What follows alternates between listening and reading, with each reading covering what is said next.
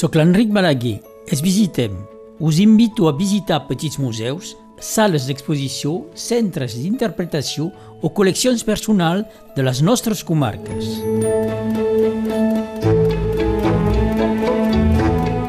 Avui, a la Vall de la Llantilla, al vilatge de Baimanya. La seva història, marcada per la mina i per l'episodi tràgic de l'agost 1944, recollits en una sala d'exposició. La nostra guia, Camilla Ruiz. Bon dia i benvingut a tots. Camilla Ruiz és consellera municipal encarregada del patrimoni i de la catalanitat. Parlem primer del poble de Balmanya. Pues el poble de Balmanya eh, té molta història en la Segona Guerra Mundial que és molt coneguda, de la destrucció del poble, i aquí tenem una sala dedicada a això i en la Farga i, i el desenvolupament de la Farga al segle XVII aquí, la Farga catalana. Molt a prop de l'Ajuntament, una mica més amunt, hi ha aquesta sala d'exposició. Primer veiem a l'entrada una vena. Sí, és una vena de les mines de la Pinosa, que ha sigut baixada fins aquí i la tenem, la tenem aquí ara.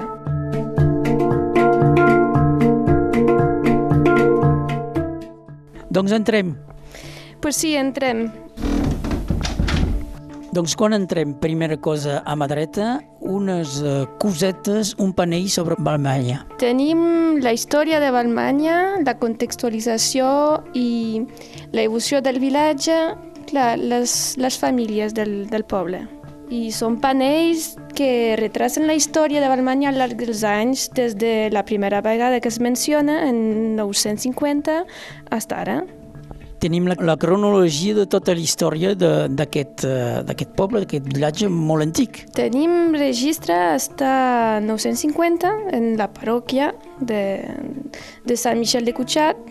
També tenim tota la història, eh, és més geopolític i més general, no només és del poble, és una mica el context. El segon panell és l'evolució de, del vilatge, una evolució que hauria pogut considerar normal fins a aquests fets de 1944. Eh, es veu que abans era una mica men menys eh, vegetal, hi havia menys àrbols. De fet, és per la farga més que tot.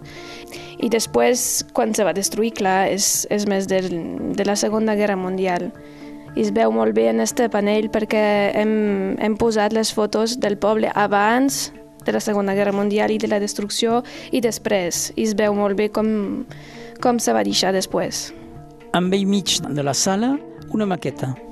Sí, és la maqueta de la Farga catalana que ha fet un, una persona del poble que es diu Jean Garrigue i que les va, la va fer per nosaltres i va treballar molt en, el museu, en la sala d'exposició.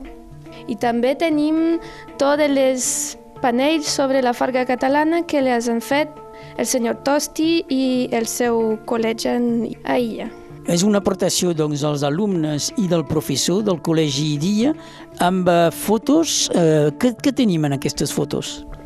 Tenim el camí per, a, per anar a la Bastit i tenim també tot el que és les mines de la Pinosa i, i per a veure com eren les mines tenim eh, el camí, el forn, eh, les, les ruïnes de la Pinós i també com era exactament. I uns panells que expliquen com, uh, com funciona, com, com funciona una farga, etc. Uns panells com funcionava la farga catalana en la roda, en les piscines, en, en les vàlvules i tot això, com funcionava.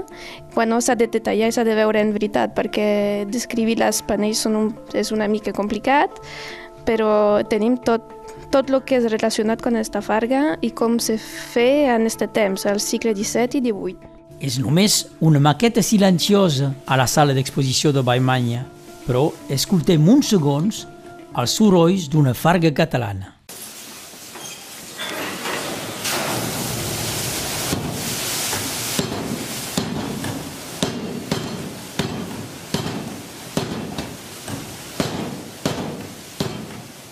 Baimanya era molt lligat a la, a la Pinosa. Des de sempre, des dels anys 1700, 1600 i després en la Segona Guerra Mundial, clar, perquè allà es va negar la, la resistència quan se va deixar la Farga i se va deixar sobretot la Pinosa a 1910, més o menys, eh, es va deixar d'abandonar i allà es van anar a amagar perquè era molt pràctic. Hi havia los les mines, clar, i també els batiments que es van quedar allà sin ningú per anar a mirar. És tot el camí que veiem en fotos, eh? el camí, algunes fotos del camí, també un text de l'ascensió de l'arribada d'una família. Moltes famílies de la Farga, tenim la família Noel, l'ascensió de la família Noel, que està feta i, i recollida per un, un descendent, Michel Mercier Noel, però també tenim la família Barjau i al segle XVII, que es veu més per allà, que està, les informacions són recollides per la senyora Frené, que també era una gran historiana de la regió i que va fer aquest treball per a altres seguim i tenim fotos. Cal dir, no, no l'hem dit a l'inici, que tampoc no és una cosa enorme aquesta exposició.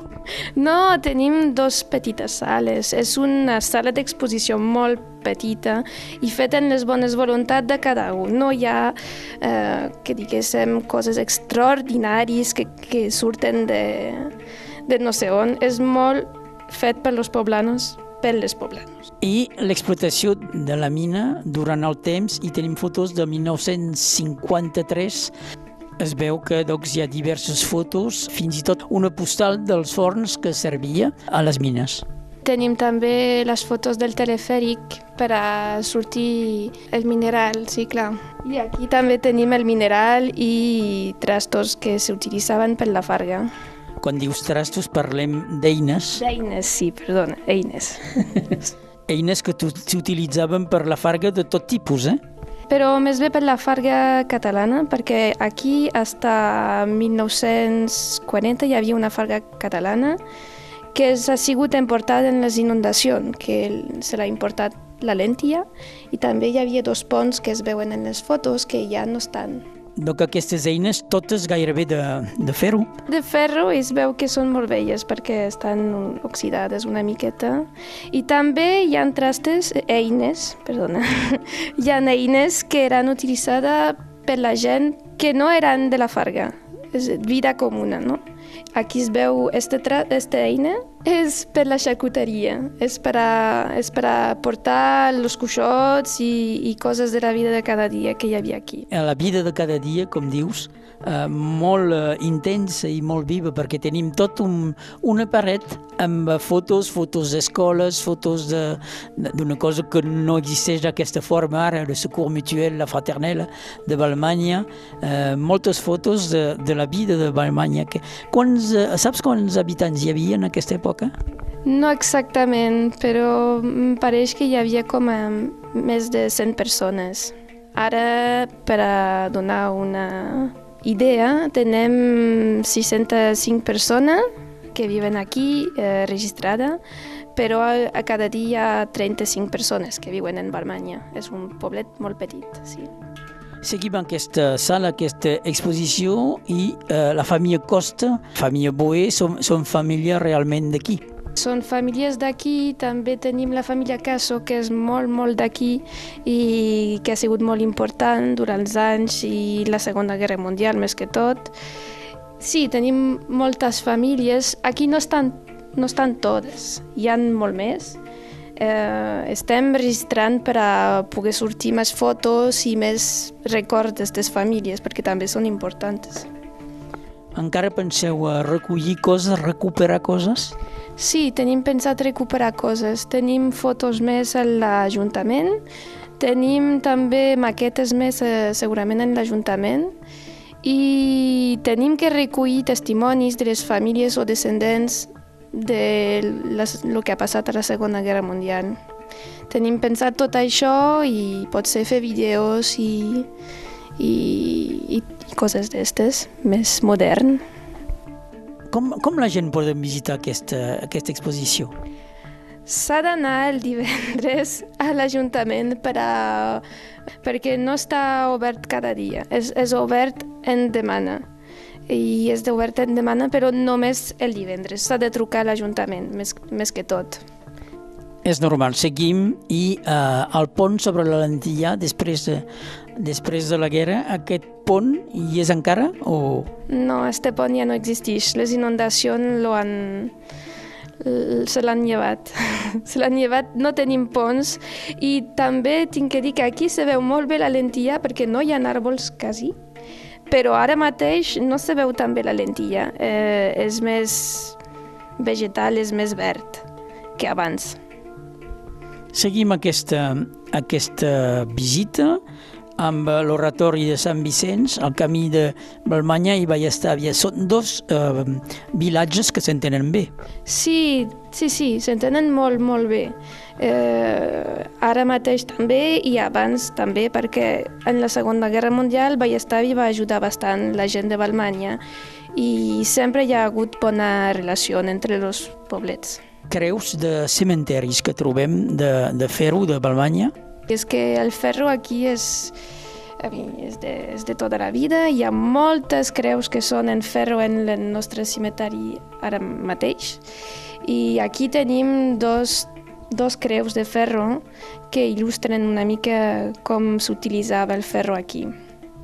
A Balmanya, donc, com hem dit, hi havia una vida, una vida social important i fotos de colles. Sí, les colles de nois i colles de noies.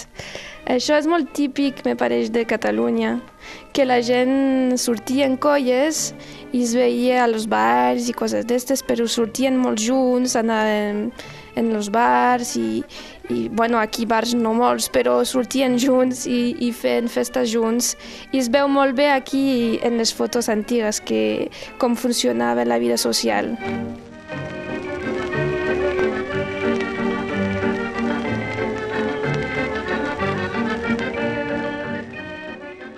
Entre les dues guerres mundials, a Alemanya el temps era durs, lligat al treball de l'agricultura i de la mina, i moments de lleures. Va arribar la Segona Guerra Mundial, la Pinusa va ser un alt lloc de resistència i a l'agost de 1944 Baimanya es converteix per sempre en vilatge màrtir.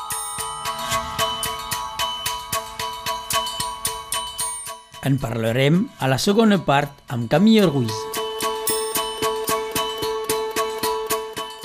Fins molt aviat a Baimanya per visitem.